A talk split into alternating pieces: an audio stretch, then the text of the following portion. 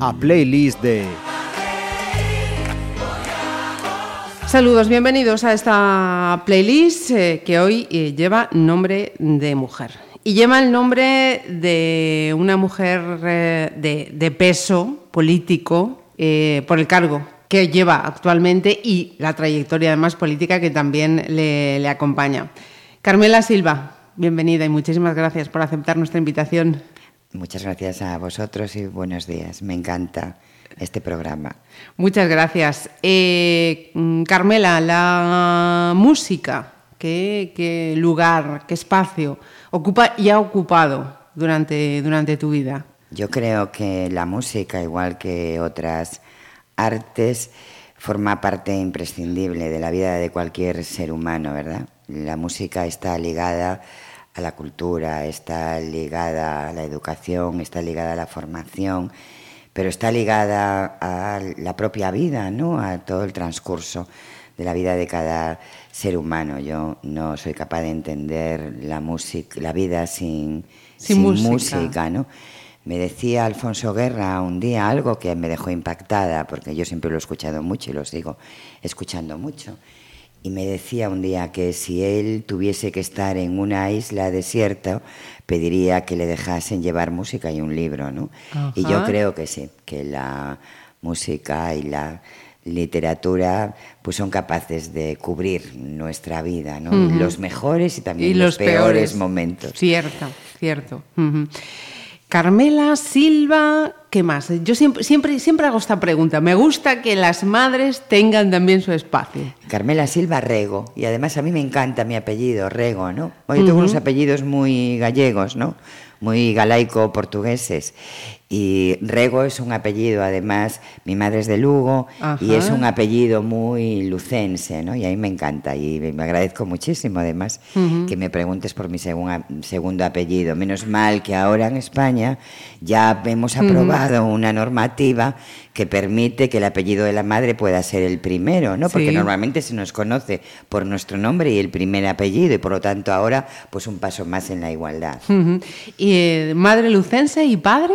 Mi padre es de Vigo, Ajá. pero su madre y toda la familia materna de mi padre eran de Pontevedra. Mi abuela era pontevedresa, su, el- mi bisabuelo, el padre de mi abuela materna, era también de Pontevedra. Y el padre de mi padre, mi abuelo, era portugués. Por eso digo que yo muy galaico-portuguesa. Está claro. Sí, es una mezcla, sí, señor, una- noroeste es peninsular. noroeste peninsular total, sí. Y Carmela, eh, que había más hermanos, hermanas. eh, Sí, somos mm, tres hermanos. Bueno, fuimos cuatro hermanos, ¿no? Ajá. Éramos dos niñas y, perdón, tres niñas y un niño. Una de las niñas, la pequeña, pues se mm, falleció siendo un, un bebé y ahora somos tres, dos niñas y un niño. Yo soy la mayor de los tres. Aparte, mm, mi, mi nacimiento pues también es un poco especial porque Cuéntamelo, por favor. yo soy mm, melliza, éramos un niño y una niña, y que además nacimos eh, a los ocho meses. Él era un, bebé que pesaba tres kilos y medio y yo era un bebé que no llegaba a los dos kilos. Pero debe ser la fuerza, ¿no? Que muchas veces yo digo, de ahí me debe de venir la fuerza, ¿no? Que tengo. El bebé se murió en el parto, el Vaya. más fuerte, el que tenía más peso, y aquí me quedé yo. Y bueno, pues soy la mayor de esos tres hermanos. ¿Dónde fue ese nacimiento? En Vigo, En yo nací Vigo. en Vigo, en la calle Sagunto, en el antiguo ayuntamiento de lavadores, que se llamaba y aún hoy es reconocido como la Rusia chiquita, porque fue el lugar donde se hizo más frente al golpe de Estado franquista y aquel Concello de Lavadores que defendió la República. De hecho, tenía un alcalde que fue asesinado por seguir fiel a la legalidad y a los principios democráticos. Así que no es todo el lugar de nacimiento, el cómo nací que yo creo que se explica, ¿no? Ajá. Muchas veces se explica quién es uno por cómo ha nacido, dónde ha nacido, qué referencias ha tenido, cómo era el Es- lugar donde es esa creció. mochila inconsciente que llevamos Sí. encima y que nos marca, aunque no seamos conscientes, pero nos marca efectivamente. Sí, sí que nos marca, sí. Por tanto, mm, eh, aquella Carmela crece en ese barrio de Vigo. ¿Tus padres a qué se dedicaban, Carmela?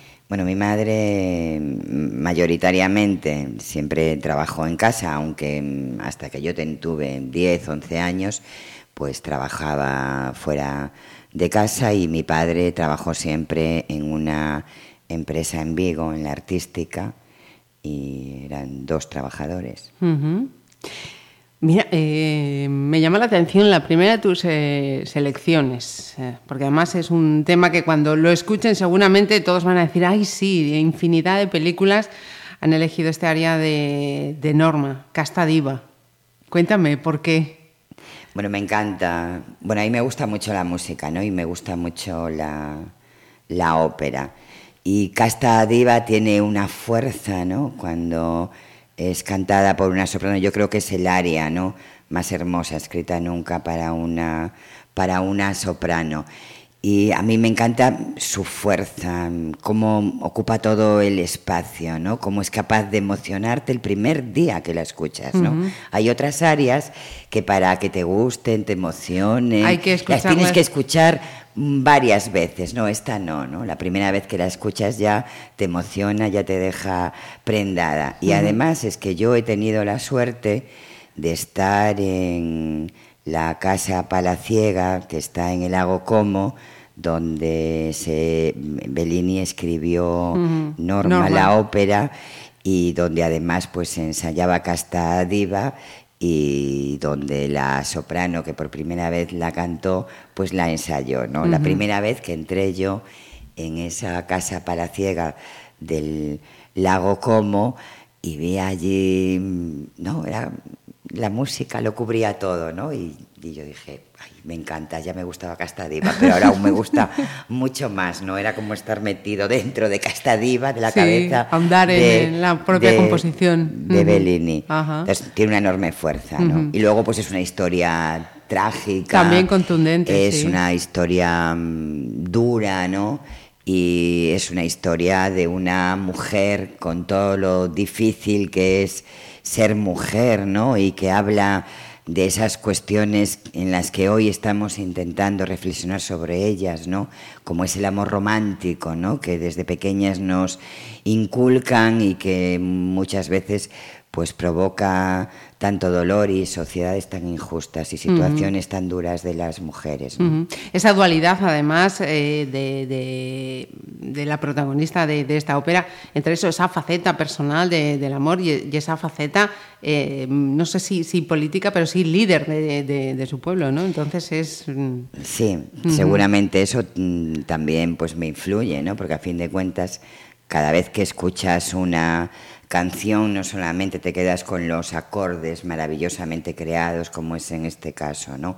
Sino que también te quedas con las historias que tienen las canciones, ¿no? Unas nos emocionan más que otras. A mí, desde luego, todas las, los temas que tienen que ver pues con mujeres protagonistas, aunque muchas veces sean historias dramáticas, ¿no?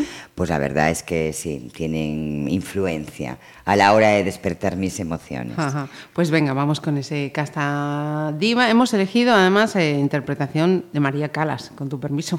Sí, sí, me encanta. Aparte, sí, yo creo que María Calas la interpretó maravillosamente. Yo la suelo escuchar interpretada por María Calas.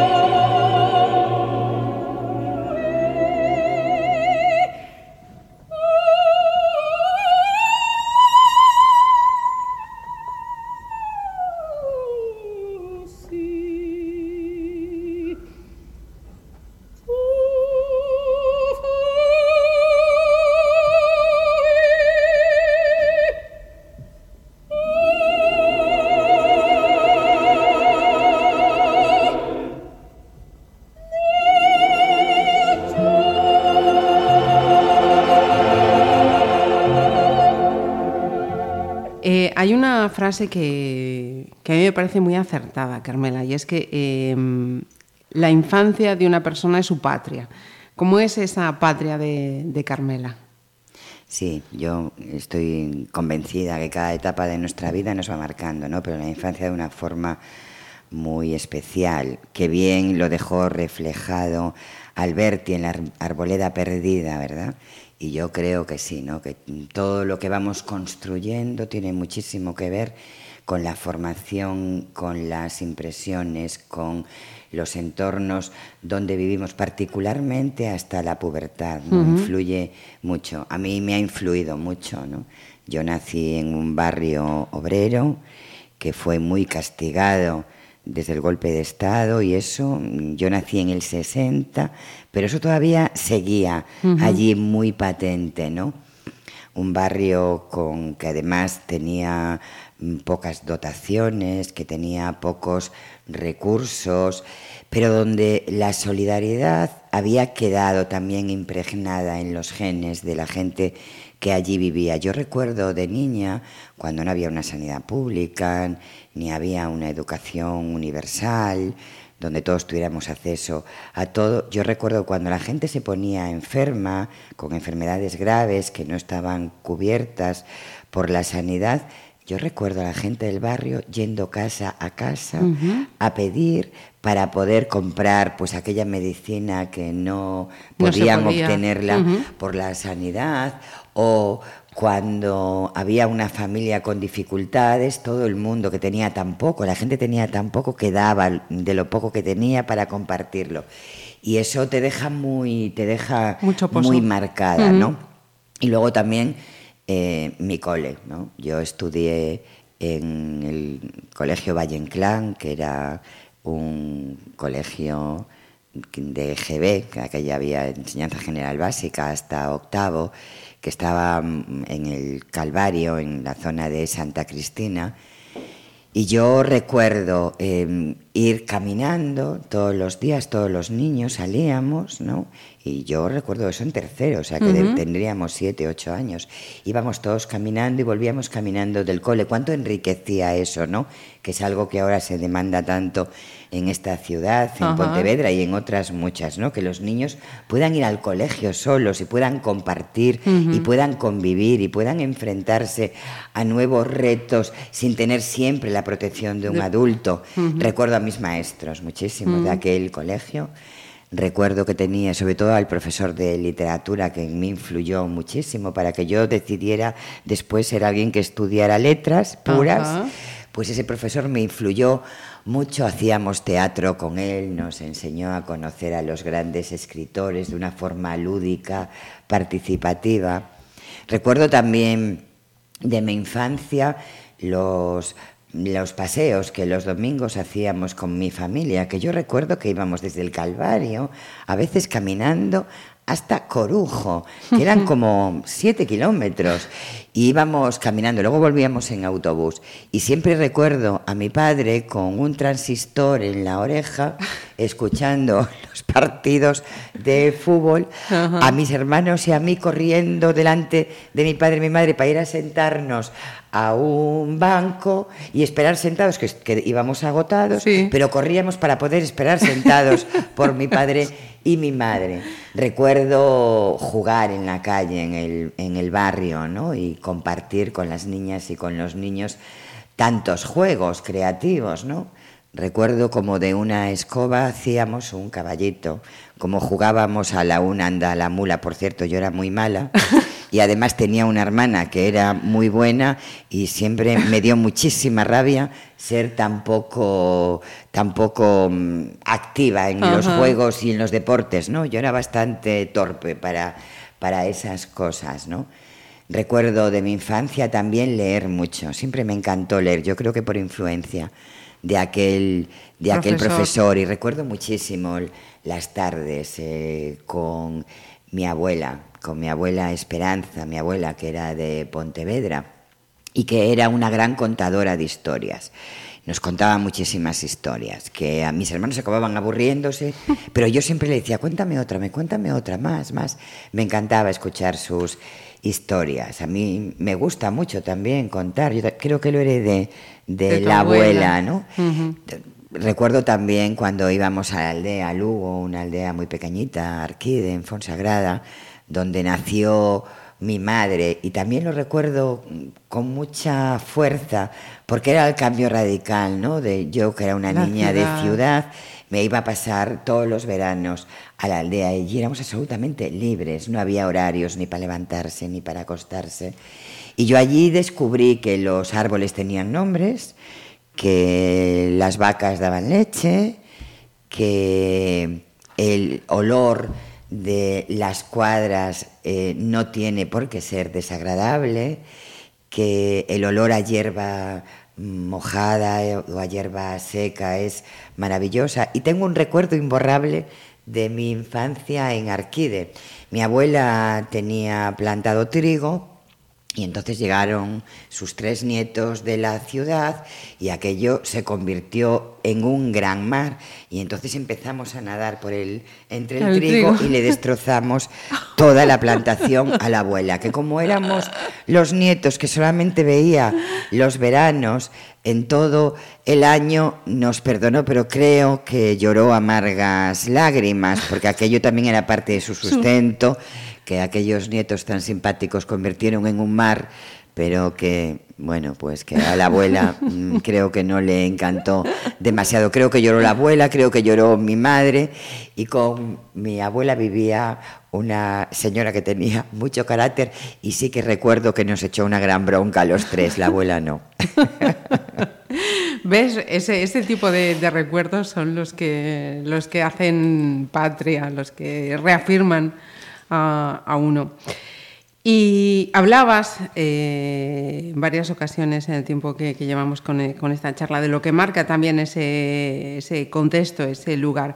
No sé si eh, esa siguiente selección que has hecho también eh, tiene relación con, con esa circunstancia, ese tema, el Blowing in the Wind de, de Bob Dylan, o igual nos vamos un poquito ya más, más adelante, a la Carmela ya adolescente, jovencita. Sí, yo descubrí a Bob Dylan a los 12, 13 años, porque yo siempre me relacioné con gente mayor, pronto. mayor que yo, siempre, sí, porque en el, en el, en el Calvario, en Lavadores, había quedado esa reminiscencia ¿no? de gente progresista, de gente de izquierdas. Y había muchos lugares de referencia donde, aunque aún vivíamos en una dictadura, gente se atrevía ¿no? a hablar de libertad, a hablar de futuro, a hablar de democracia. Entonces yo me relacionaba con gente siempre mayor que yo de mi barrio.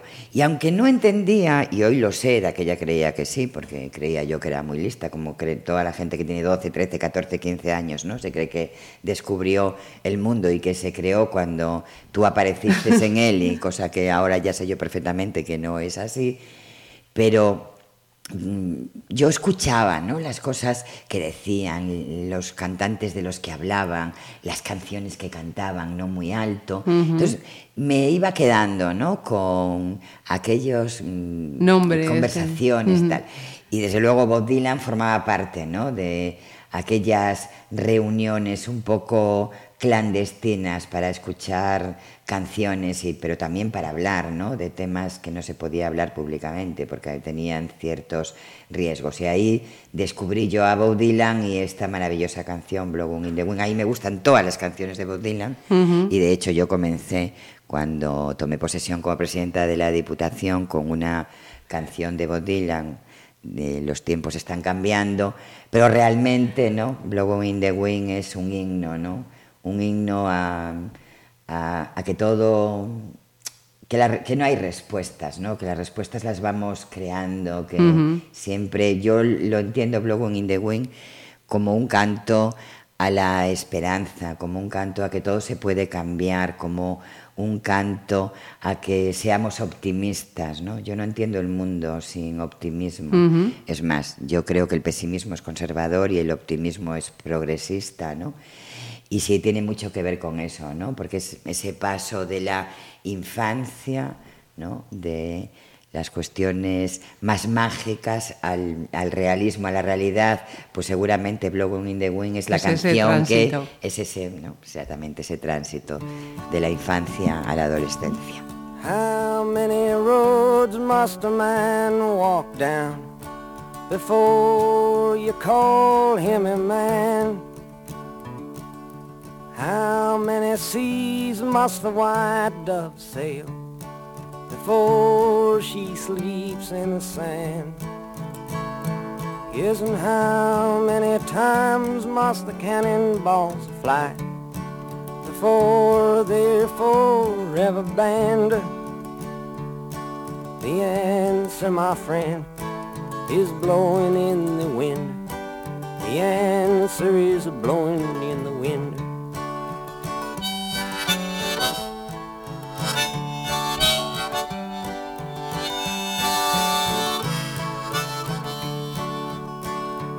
Yes, and how many years can a mountain exist before it is washed to the sea? Yes, and how many years can some people exist before they're allowed to be free? Yes, and how many times can a man turn his head and pretend that he just doesn't see? The answer, my friend, is blowing in the wind. The answer is blowing in the wind.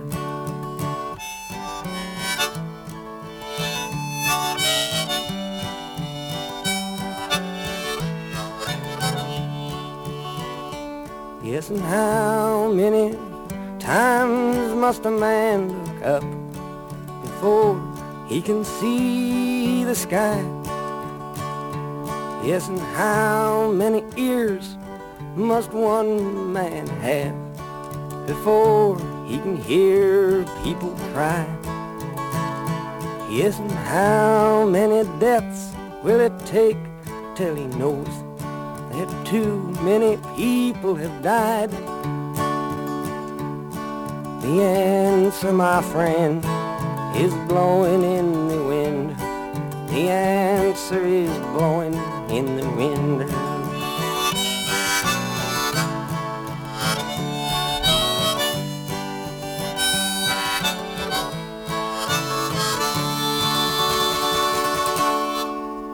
Pues acabamos de escuchar a Bob Dylan y, y si te parece vamos ya con el siguiente con el siguiente tema porque es, es totalmente eh, diferente mm, cómo llega a Louis Armstrong a, Bueno, yo es que toda, mi vida todo es, está- es muy ecléctico, ¿no? Sí, De momento es que todo- mi vida está ligada a, a personas, ¿no? Particularmente.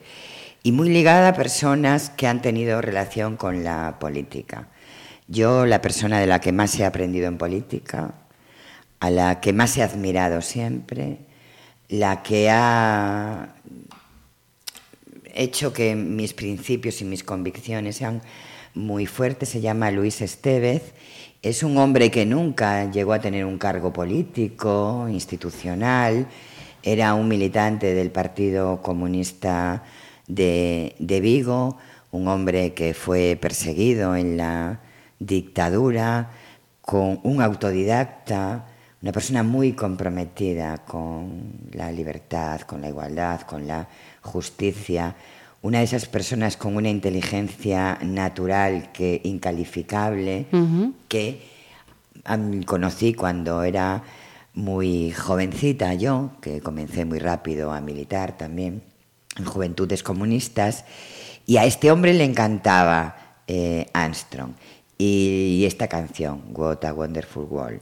Y siempre me decía que cuando él se muriera, que yo me tenía que encargar de que esa es la canción que iba a sonar, porque él me decía, a pesar de todo lo que he sufrido, a pesar de haber estado encarcelado, perseguido, la vida es maravillosa y el mundo es maravilloso. Y todas las mañanas te levantas y cuando llueve puedes ver las gotas de lluvia y cuando hace sol puedes ver el sol y cuando está entre que llueve y que hace sol, pues puedes ver el arco iris, que es un efecto óptico luminoso maravilloso. Y siempre ves a gente en la calle que, que se mueve, que se relaciona, que llora, que sonríe, que vive. Por lo tanto, esa canción realmente yo la he elegido como un reconocimiento a Luis Estevez, que tan buenas cosas ha dejado en mí, al que tanto admiro y que fue capaz de dar tanto a cambio de nada, ¿no? Porque, repito, luego él no tuvo ninguna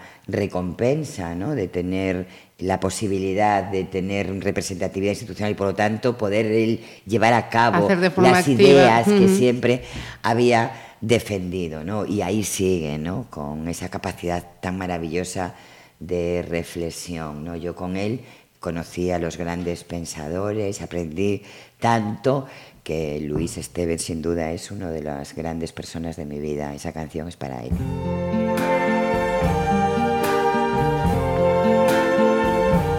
I see trees of green, red roses too. I see them bloom for me and you. And I think to myself, what a wonderful world.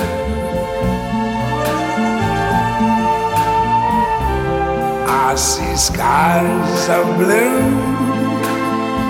and clouds of white, the bright blessed day, the dark sacred night, and I think to myself, what a wonderful world.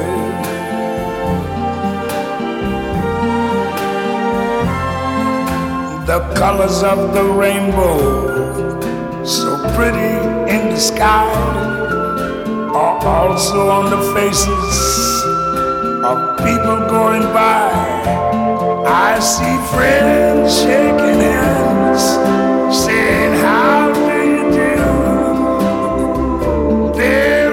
saying, I love you. I hear babies cry. I watch them grow. They'll learn much more than I ever knew. And I think to myself, what a wonderful world.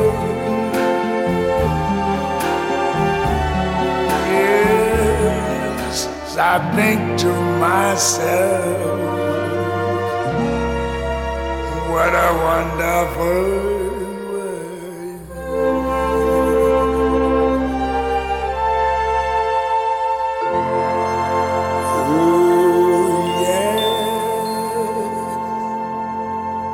Te convertiste o entraste en política, al menos como militante, muy, muy jovencita. Eh, además, me imagino que no de forma tan habitual que una mujer entre en política de manera activa como ahora, ¿no? Sí, pero bueno, tiene mucho que ver con el, con el lugar, ¿no? Siempre mis referencias están en el Calvario, en Lavadores, ¿no? Y en el, yo estudié en el Instituto del Calvario, era uno de los institutos mm, donde había más posición política, ¿no? Había muchos referentes eh, políticos de la, de la izquierda y, y bueno, pues eso, ¿no? En esas edades en las que todo te marca tanto, eh, era muy difícil, ¿no? No, no que no se despertasen los intereses políticos, los intereses por trabajar, porque a España llegara la democracia. Y eso tiene mucho que ver ya una con, con el barrio donde yo nací, porque estaba todo imbricado, ¿no? De política y con el instituto donde estudié, con el instituto Elías Castelao ahora, pero que bueno, todos conocemos como el Instituto del Calvario, ¿no?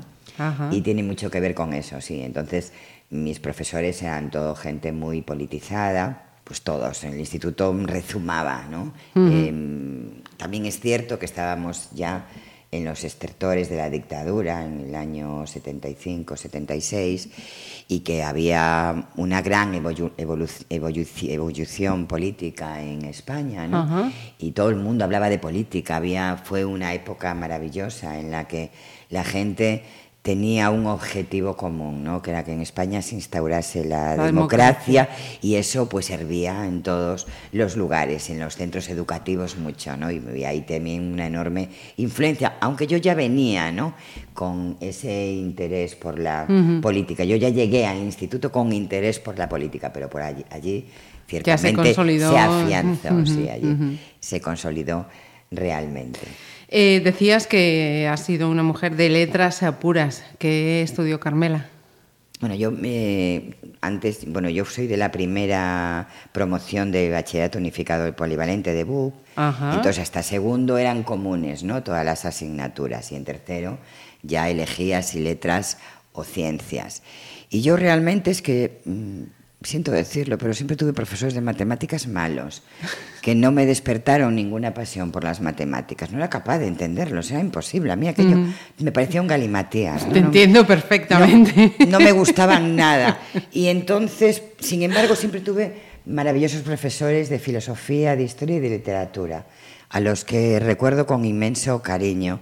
Porque aparte lo transmitían también de una forma muy pedagógica, muy didáctica, nos hacían amar esas áreas del conocimiento. Y entonces cuando llegué a tercero, pues decidí que iba por letras puras. Yo soy de las de griego, latín y en COU, pues exactamente lo mismo. Luego yo siempre quise hacer derecho, ¿no? Siempre pensé que el derecho era un arma para cambiar el mundo, que era a través de las leyes, de la ley, ¿no? De las de que se puede transformar eh, la sociedad en la que vivimos. Pero en Vigo no había universidad y había que ir a Santiago a estudiar Derecho. Mi familia era una familia muy humilde, no tenía capacidad para hacer frente al coste de tener que irte a estudiar fuera de mi ciudad. Y entonces, bueno, pues yo comencé a trabajar muy jovencita, comencé a trabajar a los 14 años cuidando niños. Y me pagué el instituto, yo, mi matrícula de instituto, incluso en primero, en segundo, en tercero. Y en COU, y en Vigo había magisterio y a mí también me- siempre me gustó también mucho la educación, ¿no? Y entonces, bueno, pues decidí matricularme en la Escuela Universitaria de Formación del Profesorado que había en Vigo, estudiaba y trabajaba y renuncié durante un tiempo a poder hacer derecho porque no era posible. Pero yo siempre quise hacer derecho y estaba convencida de que yo acabaría haciendo derecho. Así que cuando en Vigo llegó la licenciatura de Derecho Económico, pues me matriculé en la Universidad de Vigo y hice mis cinco años. Ya estaba casada, ya tenía un hijo de 11 años, pero hice la carrera que siempre quise hacer, Derecho Económico. Y también es cierto, la hice trabajando. Y es más, el último año y medio de, de la carrera la hice siendo asesora parlamentaria de la ministra Elena Espinosa en Madrid. Trabajaba 15 horas en aquel ministerio y estudiaba por las noches. Llegaba a mi casa, si llegaba a las 10, pues empezaba a estudiar a las 10 y acababa a las 2. Y si llegaba a las 11, pues estudiaba a las 11 y acababa a las 3. Y luego el fin de semana, que mi hijo estaba ya viviendo en Barcelona, pues me iba a Barcelona y el sábado y el domingo estudiaba desde las 8 de la mañana hasta las 8 de la noche. Mi hijo me lo recuerda, mamá, me acuerdo cuando venías a Barcelona cargada con tus libros y papá y yo salíamos, íbamos a... y tú estudiabas, estudiabas, estudiabas.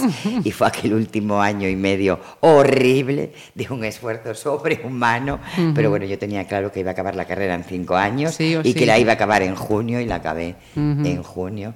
Y bueno, pues al final estudié eh, magisterio, y estudié luego pedagogía terapéutica, que hice una especialización en comillas y luego ya por último pues derecho económico. Caramba. Esto sí que no lo sabía yo. Esto es sí que, cuento pocas yo. cosas de, de mi vida porque eh, seguramente, ¿no? A mí cuando alguien me ve puedo incluso parecer distante, mucha gente me lo dice, ¿no? Y yo hago todos los esfuerzos no para parecerlo, tiene mucho que ver con la timidez. Es cierto. Pero también tiene que ver con la humildad, ¿no? A mí me gusta poco hablar de mí, de mí misma, ¿no? Pero a veces es un error, ¿no? A veces uno tiene que contar cuál es su trayectoria vital para que algunos tópicos, incluso algunas falsedades que pueden correr, pues se caigan por sí mismas. Por sí mismas. La verdad es que no soy un caso aislado de mujer que de 56 años, ¿no? sino que mm, mi historia es la historia de muchas mujeres de 56 años que tuvieron que hacer frente a muchas dificultades para poder formarse, para poder crear su propia vida, para poder ser autónomas, para poder ser independientes. Yo no soy un caso aislado ni un caso admirable, ¿no? no. Yo conozco a muchísimas mujeres como yo, muchas, muchas, que han tenido que hacer un enorme esfuerzo por construir su propia Vida. su propia vida, ¿no? Pero bueno, voy a seguir siendo humilde, me va a seguir costando hablar de mí, pero bueno, este programa permite también ¿no? Es para- es hablar para un poco eso. más del lado humano de las personas. Mira, ¿y qué es? ¿Qué significa este Bright Eyes de Art Garfunkel? Bueno, yo decía antes que Luis Estevez es una de las personas más importantes de mi vida. Las, dos person- las, las tres personas más importantes de mi vida, espero que mi padre no se enfade porque también es muy importante, las personas más importantes de mi vida son mi madre, mi compañero, mi marido y mi hijo. Son las personas que siempre me han dado más, me emociono, incluso pensándolo, ¿no?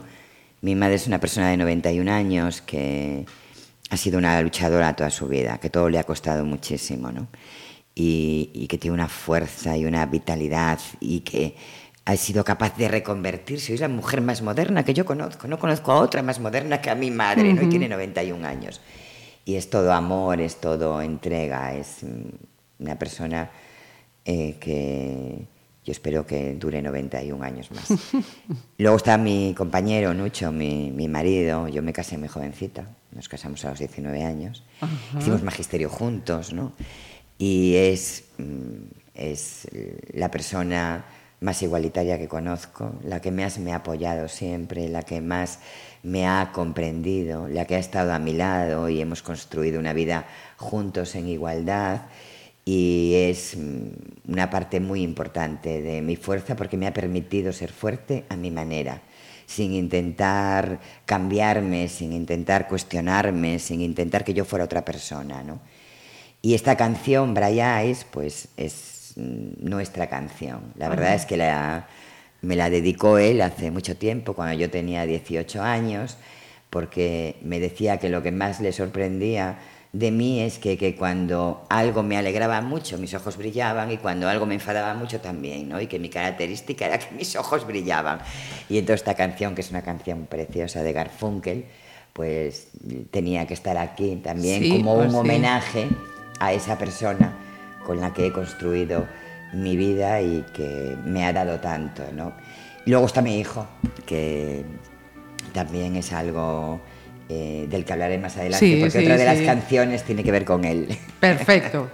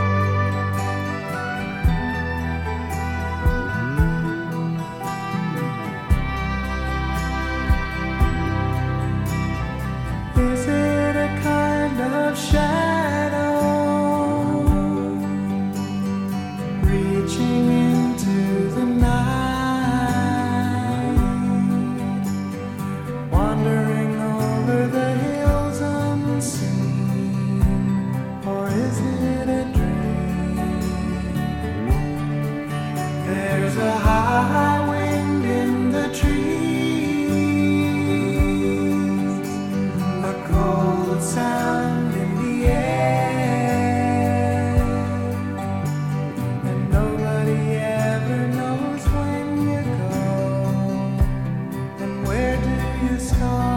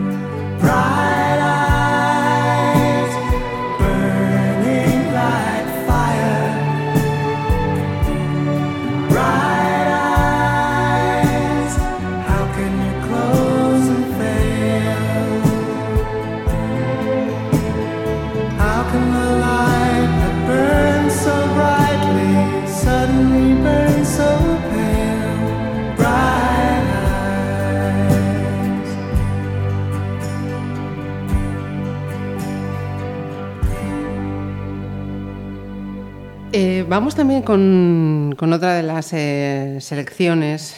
No, sé si llegó también por todo ese contexto social, político en el, en el que vives o, por algo personal. Te pregunto ahora, Serrat, eh, en tu vida, ¿cuándo, cuándo llega? Además, en esta selección, eh, en este tema, junto, junto a Sabina. Yo creo que Serra es ese cantautor, poeta, que la gente de mi generación es el cantante de cabecera, ¿no? Junto a Sabina. Pero me gusta que además hayáis decidido que fuera esta versión cantada por los dos, porque Sabina es otro de los grandes cantautores españoles que han marcado nuestra vida y que además son capaces de escribir aquello que todos hemos sentido en este periodo ¿no? de tiempo de democracia en el que vivimos ¿no? y que han sabido hablar de nosotros y de nosotras en este país, han sabido contar todo aquello ¿no? que hemos ido viviendo y han sabido también denunciar de una forma tan hermosa. Son dos grandes poetas, son mucho más que cantautores, ¿no?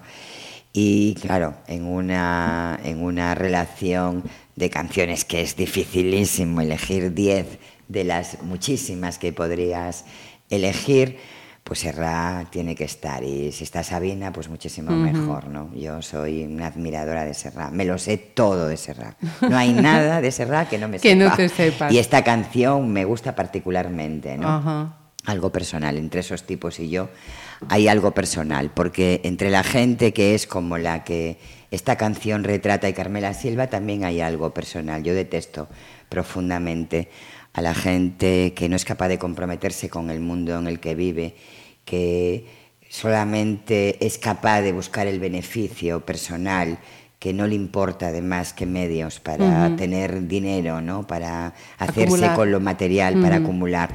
También entre esa gente yo hay algo personal. Por tanto, ahí también hay mucho de cómo es mi posición en la vida, ¿no? Qué cosas defiendo y qué cosas detesto. A la gente a la que Serra define también en esta canción cantada con Sabina, pues yo también tengo algo personal contra ellos.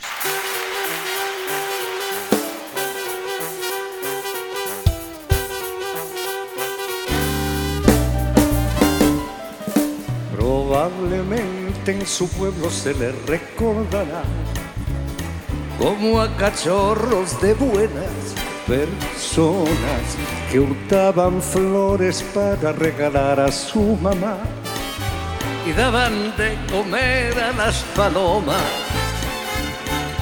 Probablemente que todo eso debe ser verdad, aunque es más turbio cómo y de qué manera. Llegaron esos individuos a ser lo que son y a quienes sirven cuando alzan las banderas. Hombres de paja que usan la colonia y en honor para ocultar oscuras intenciones. Tienen doble vida, son sicarios del mar. Y entre esos tipos si yo hay algo personal.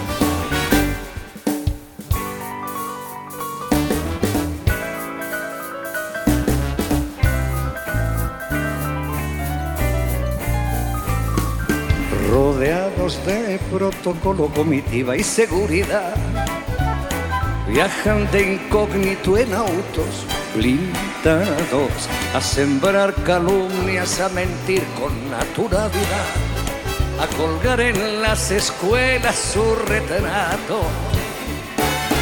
Se gastan más de lo que tienen en coleccionar. Espías, listas negras y arsenales, resulta bochornoso verles fanfarronear. A ver quién es el que la tiene más grande. Se arman hasta los dientes en el nombre de la paz y juegan con cosas que no tienen repuesto. La culpa es del otro si algo les sale mal. Entre esos tipos y yo hay algo personal.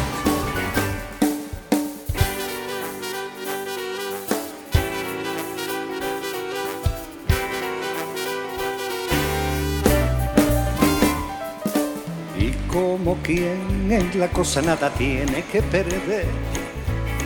Pulsan la alarma y rompen las promesas y en nombre de quien no tienen el gusto de conocer, nos ponen la pistola en la cabeza. Se agarran de los pelos pero para no ensuciar, van a cagar a casa de otra gente y experimenta nuevos métodos de masacrar sofisticados y a la vez convincentes. No conocen ni a su padre cuando pierden el control. Y recuerdan que en el mundo hay niños, nos niegan a todos el pan y la sal. Entre esos tipos y yo hay algo personal.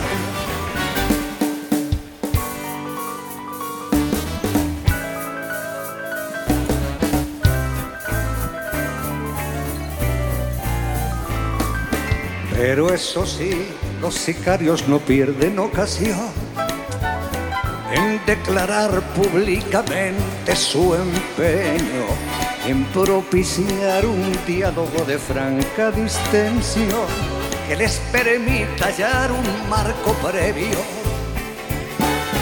que garantice las premisas mínimas que contribuyan a crear los resortes que impulsen un punto de partida sólido y capaz. De este a oeste y de sur a norte, donde establecer las bases de un tratado de amistad que contribuya a poner los cimientos de una plataforma donde edificar un hermoso futuro de amor y paz. Tienen doble vida, son sicarios del mar. Entre esos tipos y yo, entre esos tipos y yo, entre esos tipos y yo hay algo personal.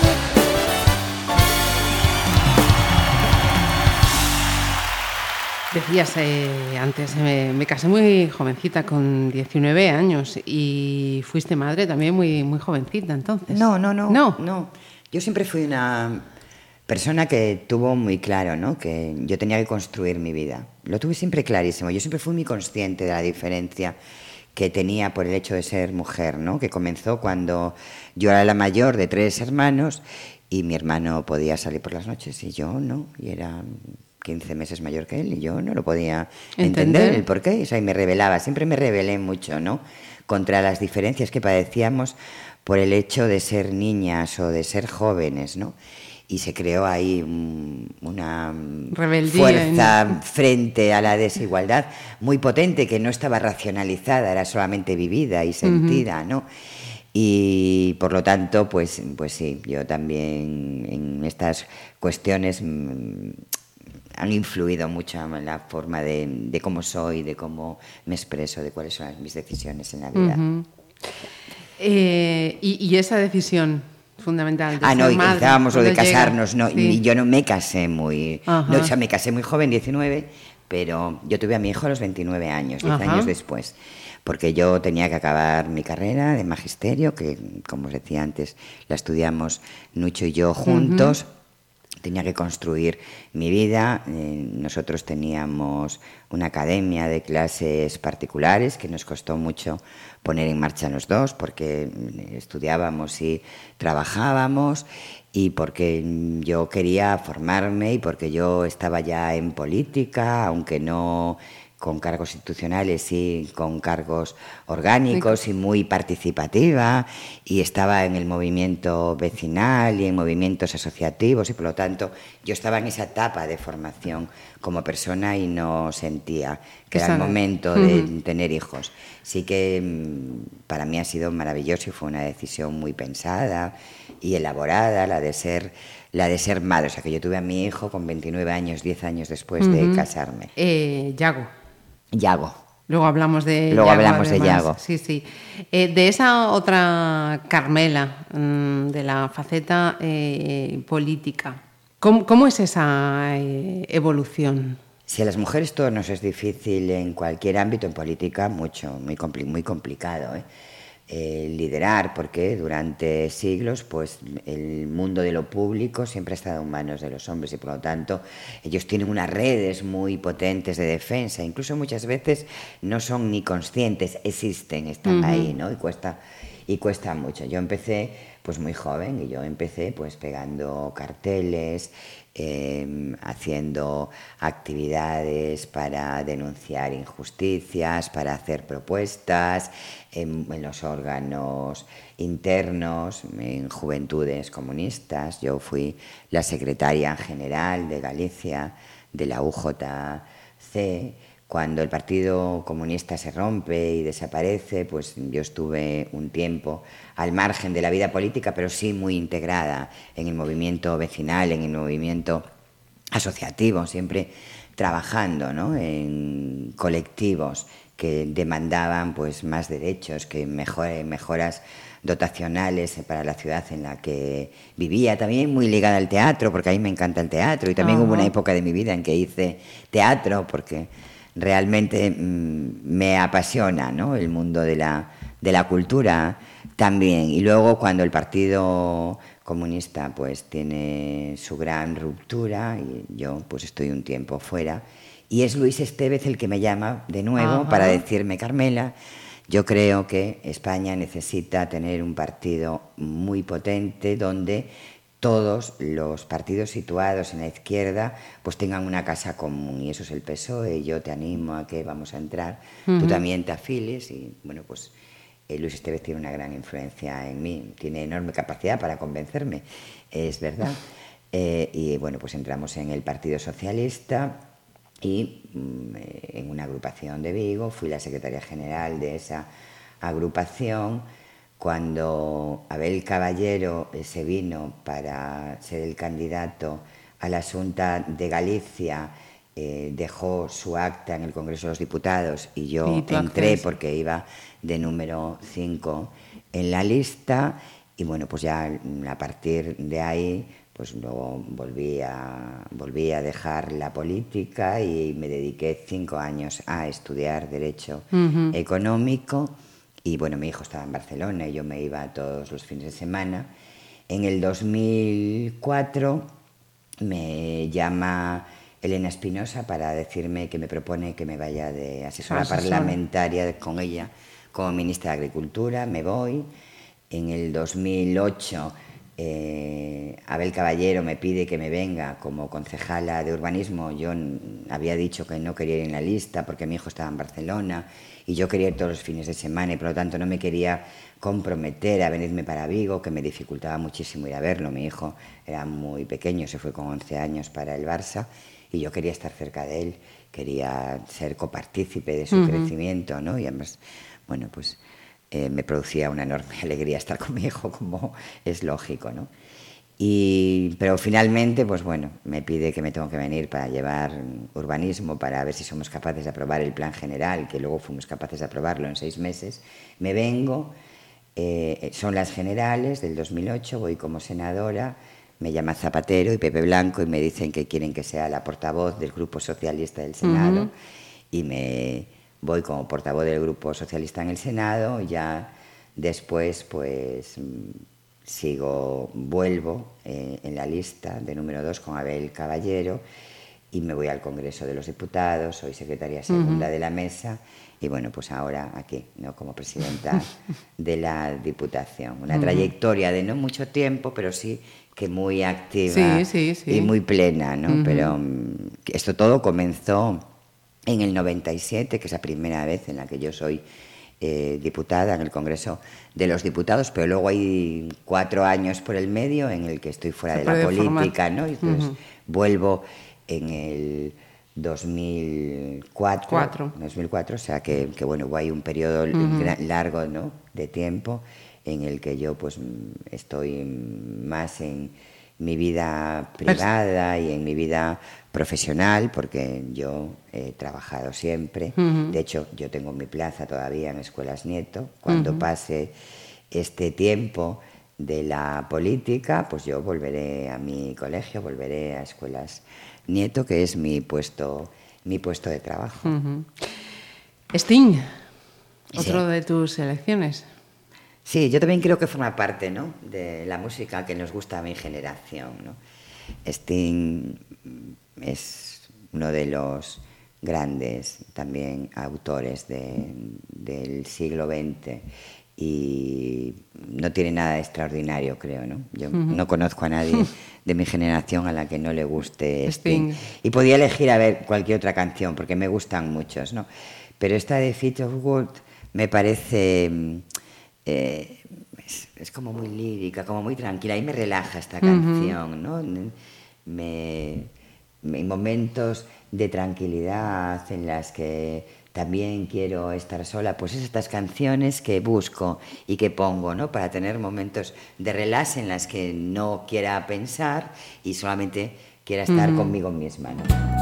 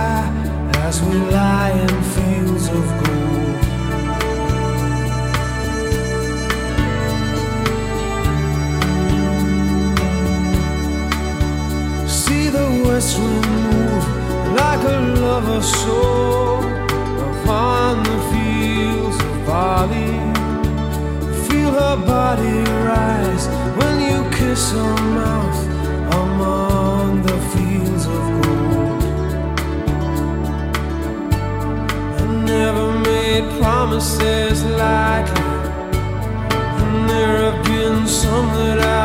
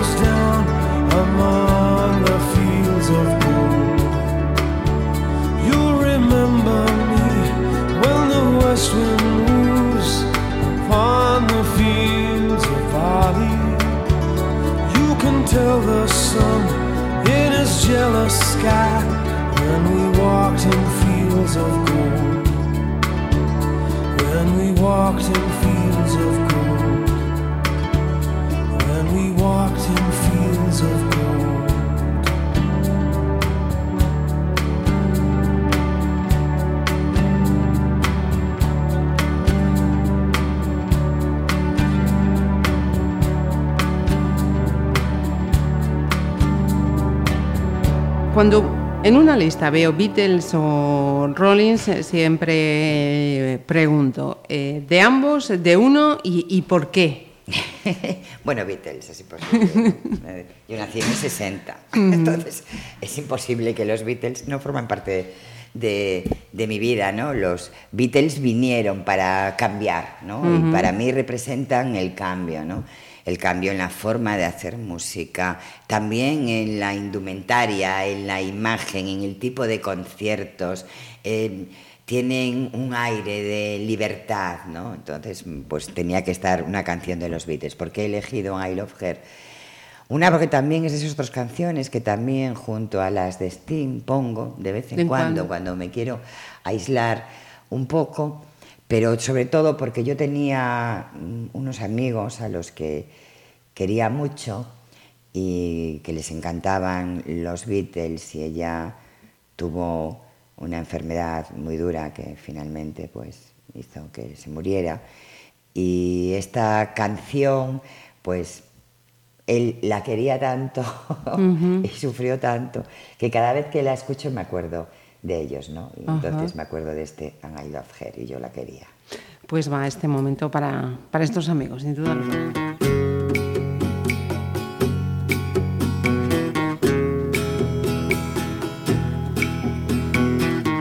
I give her all my love, that's all I do.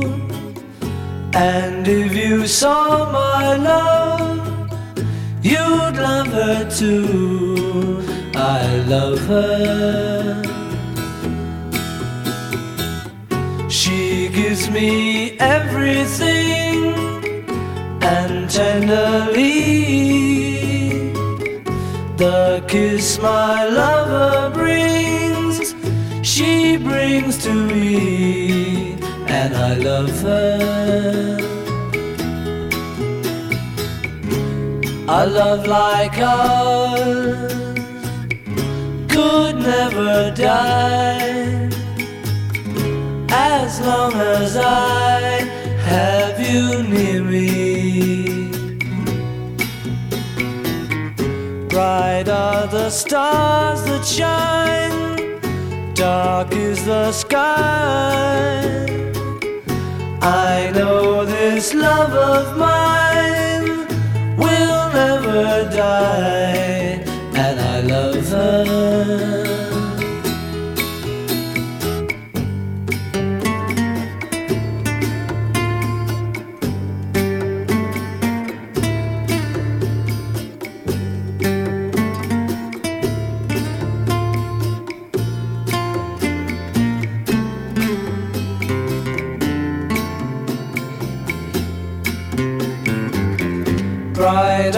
The stars that shine, dark is the sky.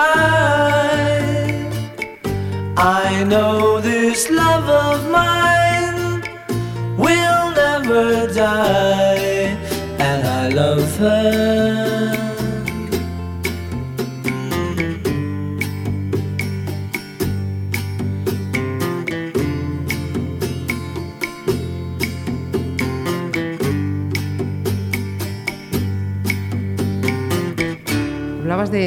Momentos eh, duros eh, por esa enfermedad. Tú también sabes lo que, lo que es eso. Cuando uno se ve en esa tesitura, es decir, soy, soy yo y aquí estoy conmigo, con mis circunstancias, pero salgo, salgo adelante. Para mí eso es... Sí, y además muy- mm, yo creo que le pasa a una gran mayoría ¿no? de las personas que tienen que enfrentarse a una enfermedad dura, como puede ser el cáncer, ¿no? O otras muchas que son durísimas, ¿no? El ELA o el Parkinson. Esas enfermedades que de repente, ¿no? Aparecen en tu vida y, y- y son como una bomba nuclear porque Sí, lo- lo tú dices, remueven todo. "No", y, y- y- te haces las mismas preguntas hace todo el mundo. ¿Por qué a mí? ¿Por qué? ¿Qué, qué, qué horrible? ¿Cómo voy a hacer para superar esto? Esto es tremendo, es injusto. Pero también es verdad que casi todos y todas respondemos con una enorme fuerza, ¿no? Hay un momento de duelo, de debilidad, que además yo creo que es muy humano y creo que además hay que pasarlo, que es bueno. Yo cuando me anunciaron que tenía un cáncer, lloré tres días sin parar, lo recuerdo perfectamente, lo vivo como si fuera el mismo día en que me lo dijeron y lloré tres días, lloré, lloré, lloré. Y además no quería hablar con nadie, solo necesitaba llorar, desahogarme, quejarme, necesitaba quejarme, ¿no? Estar en duelo. Y al tercer día, pues igual que hace la mayoría de la gente, en eso tampoco soy nada especial, ¿eh? Dije, se acabó, ahora le vamos a hacer frente, no queda otra, lo vamos a hacer con fuerza, con energía, acompañada de los míos. Eh, se acabaron las quejas, se acabaron los lamentos y así lo hice, ¿no? Y ya no lloré más, lloré aquellos tres días y luego fue, pues eso, hacerle frente, ¿no? Mi operación fue muy dura porque duró siete horas, la recuperación fue muy dura, la quimio fue muy dura, no toda la gente la sufre igual, para mí fue durísima, me afectó mucho, pero ya sin, sin llantos, con fuerza y sabiendo que había que hacerle frente, que no quedaba otra, como que tantas cosas en la vida, ¿no? Que le tenemos que hacer frente. Y, y sí es verdad, ¿no? Que, qué fuertes somos. No sabemos hasta dónde somos capaces de aguantar, ¿no? Hasta que nos y ya vemos, digo, ¿no? no soy nada especial en eso. Yo conozco a muchísima gente como todos, ¿no? Es una enfermedad que nos toca por- siempre sí. en la cercanía, familiares, amigas o amigos. Y, y yo veo que todo el mundo, pues eso, es- le hace frente con mucha garra y con, y con mucha fuerza. El ser humano tiene una potencia Sí. que es incalificable y, Y, que no en, se y en puede esos momentos medir. además ves que, que, que se toman de decisiones que, que nunca pensarías que, que puedes llegar a tomarlas. Sí, Y es- descubres también facetas de esa persona que dices, Dios mío, no hubiera pensado nunca que... Sí, es verdad, sí, claro, porque es algo eh, nuevo que no esperas, ¿no? Y sobre lo que nunca estamos preparados, ¿no? Para que una enfermedad así, ¿no? Te, te pueda afectar. Pero es verdad que, es- que te das cuenta de eso, de que somos muy fuertes, de que mm, somos capaces de hacer frente a cosas tremendas, ¿no?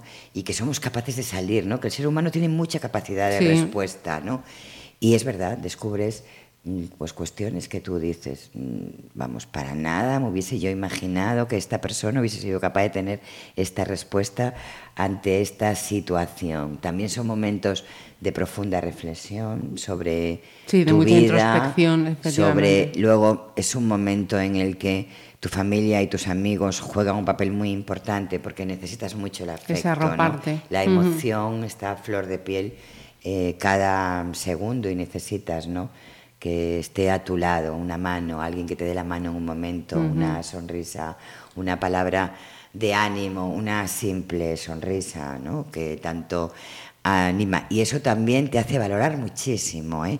El lado más privado de tu vida, ¿no? La gente más cercana, ¿no? Se convierten en algo que ti- tiene un enorme valor, que siempre lo tuvo, pero que a veces perdemos la conciencia. Sí, la ¿no? perspectiva. Del valor de El- lo, de, lo cerca- de lo cercano. Y luego algo que yo siempre digo y hoy voy a decir también es qué sanidad pública tan extraordinaria tenemos, qué profesionales eh, tan buenísimos, de tanta calidad tenemos en nuestro país, porque a mí me salvó un cirujano. Me lo dice siempre mi médico de cabecera, otra de las personas eh, muy importantes en mi vida, Cayetano Rodríguez, que fue director en, en general en el Sergas y que ahora es concejal en el Ayuntamiento de Vigo, eh, y que es una persona que tiene todos los mejores valores del, del ser humano, que fue el que se, se hizo cargo de la situación Sí. cuando yo me puse enferma desde el punto de vista médico. Médico. Y él siempre me dice, Carmela, a ti te ha salvado que te operó un gran cirujano. Y es verdad, ¿no? Tenemos una sanidad pública con grandes profesionales. Siempre le quiero reconocer su labor. Ujú. Mire, viene bien esta canción eh, justo en este momento. Al alba, Luis Eduardo Aute.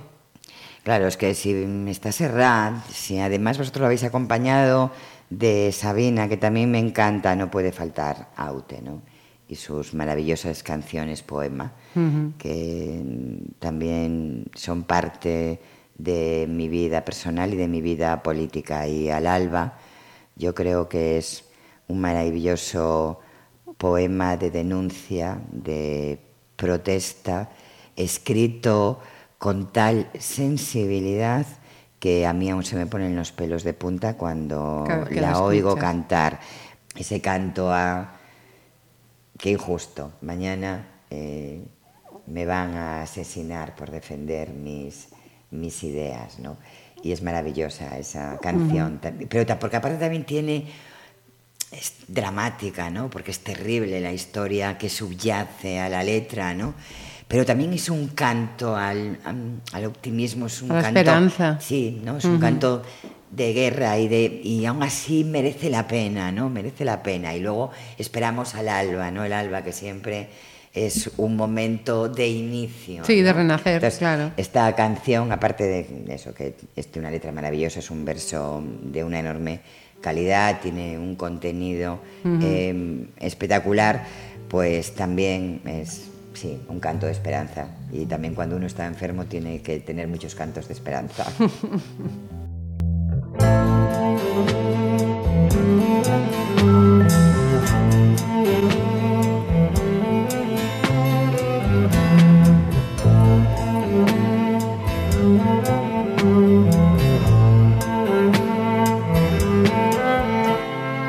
Si te dijera, amor mío, temo a la madrugada, no sé qué estrellas son estas que hieren como amenazas, ni sé que sangra la luna al filo de su guadaña.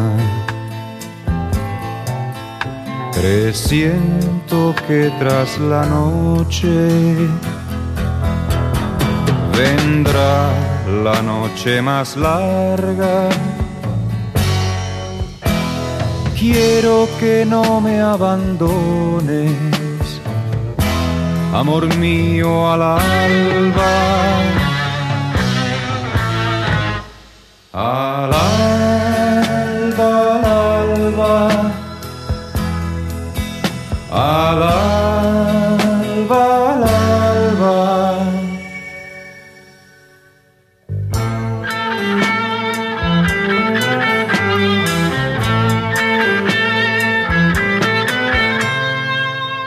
Hijos que no tuvimos se esconden en las cloacas, comen las últimas flores Parece que adivinaran que el día que se avecina viene con hambre atrasada. Que tras la noche vendrá la noche más larga. Quiero que no me abandones, amor mío al alba. Al alba, al alba. Al alba, al alba.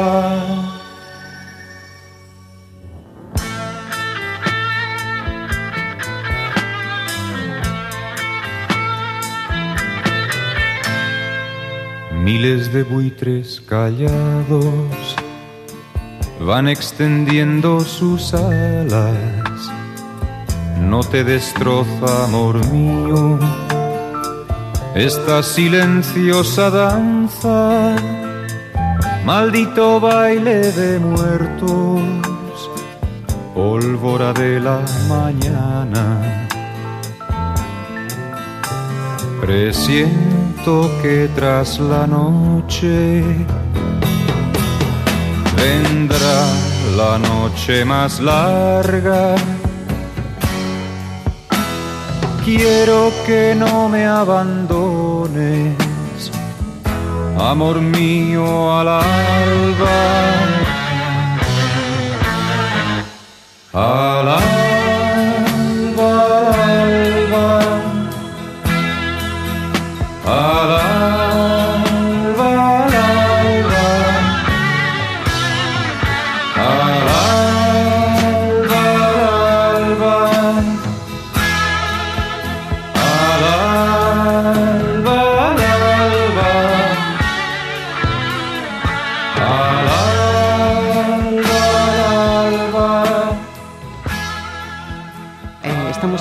peleando contra el tiempo porque, lógicamente, sus responsabilidades eh, la, la- la reclaman. Eh, nos quedan un par de temitas más, más un añadido. Eh, había un, tema, no sé si es este de Maná, en el que también quieres hacer un hueco a tu hijo. sí. Yo descubrí a Maná con mi hijo Yago, que le encantaba. Y entonces un día íbamos en el coche y, y puso a Maná. Y entonces, fija, qué bien suena, esto me gusta. Y a la siguiente canción decía, ay, qué bien suena también esta canción, también me gusta. Y así, pues todo el disco, ¿no? Y lo descubrí con él y, y me gusta mucho Maná y me gusta cómo suenan, me gustan muchas de, de sus letras y después, pues bueno, está muy ligado a eso, ¿no? A, a- a mi hijo, ¿no? A haberlo descubierto con él. Decía antes que mi madre, mi compañero, mi marido y mi hijo. Mi hijo es las personas que yo más quiero, seguro que dirán todas las madres y padres que me escuchen, pues mira, qué cosa dice la presidenta de la Diputación. Pues claro, todos queremos muchísimo a nuestros, y todas queremos muchísimo a nuestros hijos, ¿no? Pero sí, a mí, mi hijo solo me ha dado alegrías. Ajá. Mira, eh, antes decías, eh, quería viajar mucho a Barcelona porque mi hijo estaba ahí en la cantera del Barcelona y, y ahora viajas mucho a Italia. Bueno, un poco, voy menos, ¿no?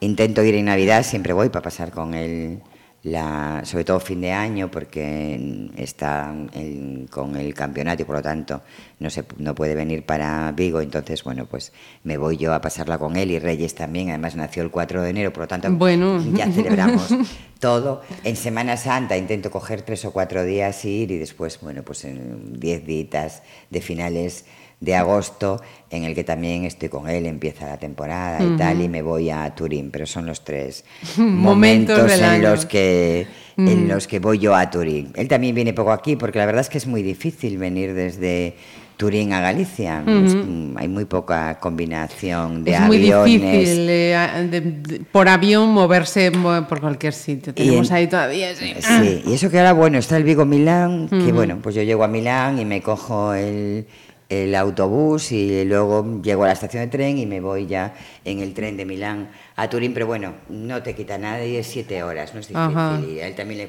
es, le es difícil venir, viene tres o cuatro veces al año, pero bueno, sí, eh, a mí me encanta, ahora mismo está aquí y yo soy inmensamente feliz pensar que cuando Ah. me levanto mi hijo va a estar allí, aunque no lo veo, pero yo sé que está allí. Está ahí. Y que cuando llego a comer, pues comemos juntos los días que puedo ir y que cuando llego por la noche, pues va a estar. Y es una enorme felicidad, esa parte, ¿no? Eh, privada de la vida que te da tanto, ¿no? Y a mí, pues me da mucho y yo soy muy feliz. Ya digo, mi hijo a mí solo me ha dado alegrías, es un- una persona, aparte, encantadora, ¿no? Ajá. Me encanta cuando la gente me dice, tu hijo no parece futbolista. Y digo, "Oh, qué bien, no, me podrían decir mejor cosa, porque cuando me dicen eso, me están diciendo que es humilde, me están diciendo que no tiene signos. Eso que decías antes de aspirar lo material, acumular por acumular. Exactamente, ¿no? por- Que es un niño muy normal, es un niño muy solidario, es un- muy normal, muy buena gente. Así que yo. Ya, feliz. oh, vamos, Y este así es tu que este momento. vivir sin aire va dedicado a, a mi hijo que me descubrió en Maná.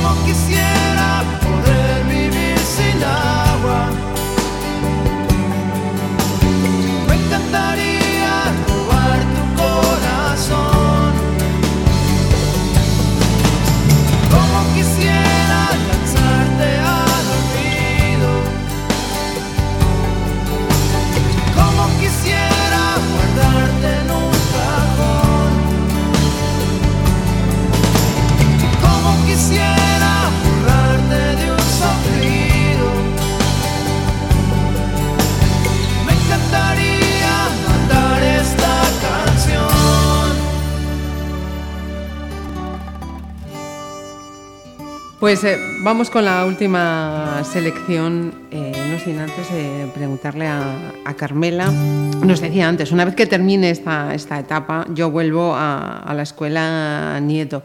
Yo, sinceramente, Carmela, eh, veo complicado mm, tu vida alejada de la política. Bueno, no, yo siempre seré un alma política. Bueno, yo es que yo creo que todo es política, ¿no? Porque a fin de cuentas, política es el gobierno de la polis, ¿no? O sea, y por lo tanto, mm, yo no entiendo. Yo, no hay nadie que no sea político, no conozco a nadie que no sea político o política. Porque es, mm, la política es la propia vida, es cómo vivimos en el tiempo que nos ha tocado vivir y en el espacio, ¿no? Y cómo todos trabajamos para transformarlo. Unos lo hacen desde unos sitios y otros de otro.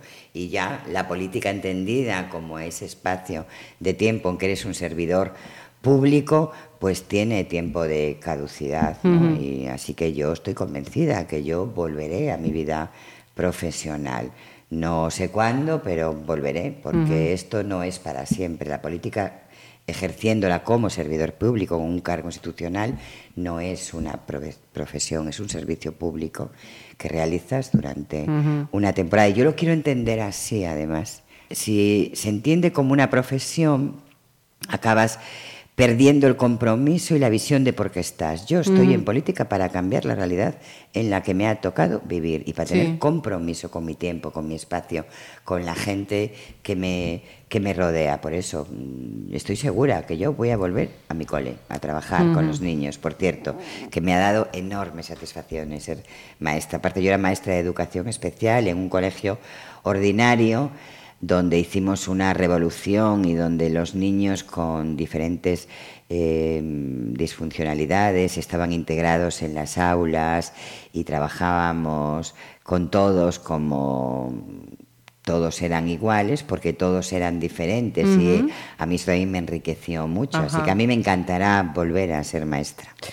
Pues la última de sus selecciones era Pink Floyd, con The Wall. Igual sí. Pink, Pink Floyd es mi época mm, más aguerrida en la, en la música, ¿no? Y, y sobre todo lo recuerdo de mi época de cuando mm, la movida en Vigo, ¿no? Y aquella época que también tiene mucho que ver con el inicio de la democracia y empezaron a aparecer muchísimos locales en, Vigo donde se hacía música, ¿no? Entonces yo pasé de esa música más de compromiso, que era Sí. la que a mí me gustaba, o la música pop más tranquila, ¿no? Pues a mm, música pues más potente, ¿no? Más rockera, más... Y Pink Floyd es de esa etapa y dije, pues esa etapa también tiene que aparecer porque fue Efe- una etapa de mi vida. Efectivamente. Donde también disfruté mucho, donde viví, donde pues hice también algunas gamberradas, ¿por qué no decirlo? Porque... eh, como cualquier ser humano, soy bastante poco perfecta. y esta es mi época más, más así, más rebelde musicalmente también.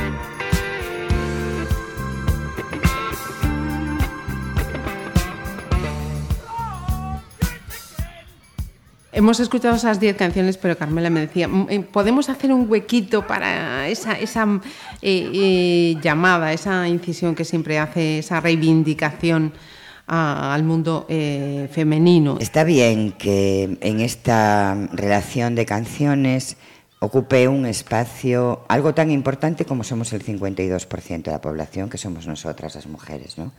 Con todas nuestras reivindicaciones de justicia, ¿no?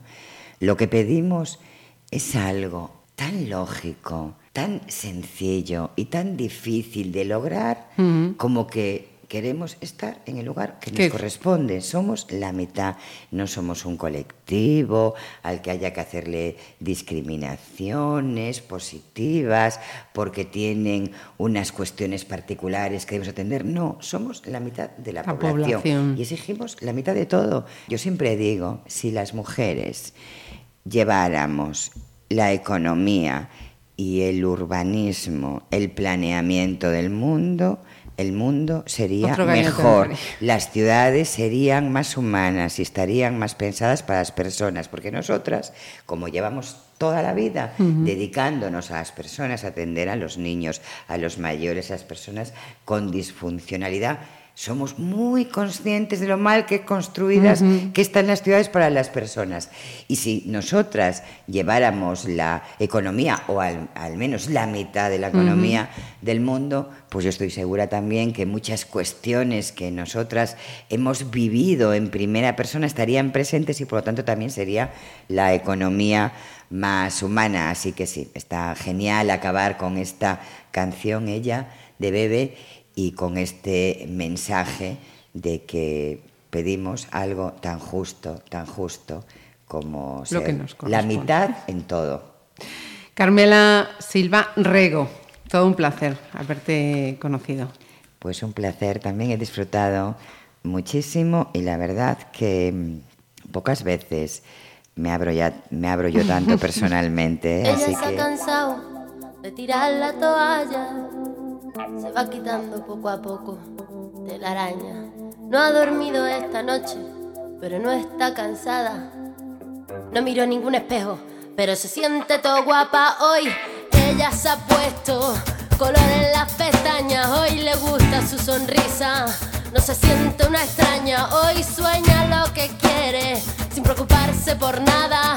Hoy es una mujer que se da cuenta de su alma.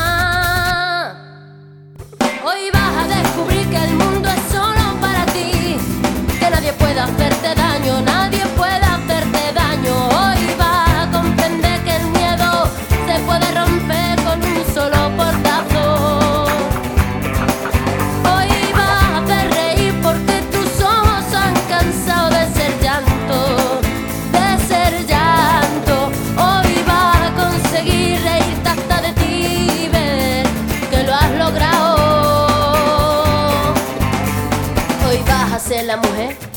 que te dé la gana de ser. Hoy te vas a querer como nadie te ha sabido querer. Hoy vas a mirar para adelante, que para atrás ya te dolió bastante. Una mujer valiente, una mujer sonriente, mira cómo pasa. Hoy nació la mujer perfecta que esperaban, ha roto sin pudores las reglas marcadas. Hoy ha calzado tacones para hacer sonar sus pasos. Hoy sabe que su vida nunca más será un fracaso. Hoy vas a descubrir que el mundo es solo para ti, que nadie puede hacerte daño, nadie puede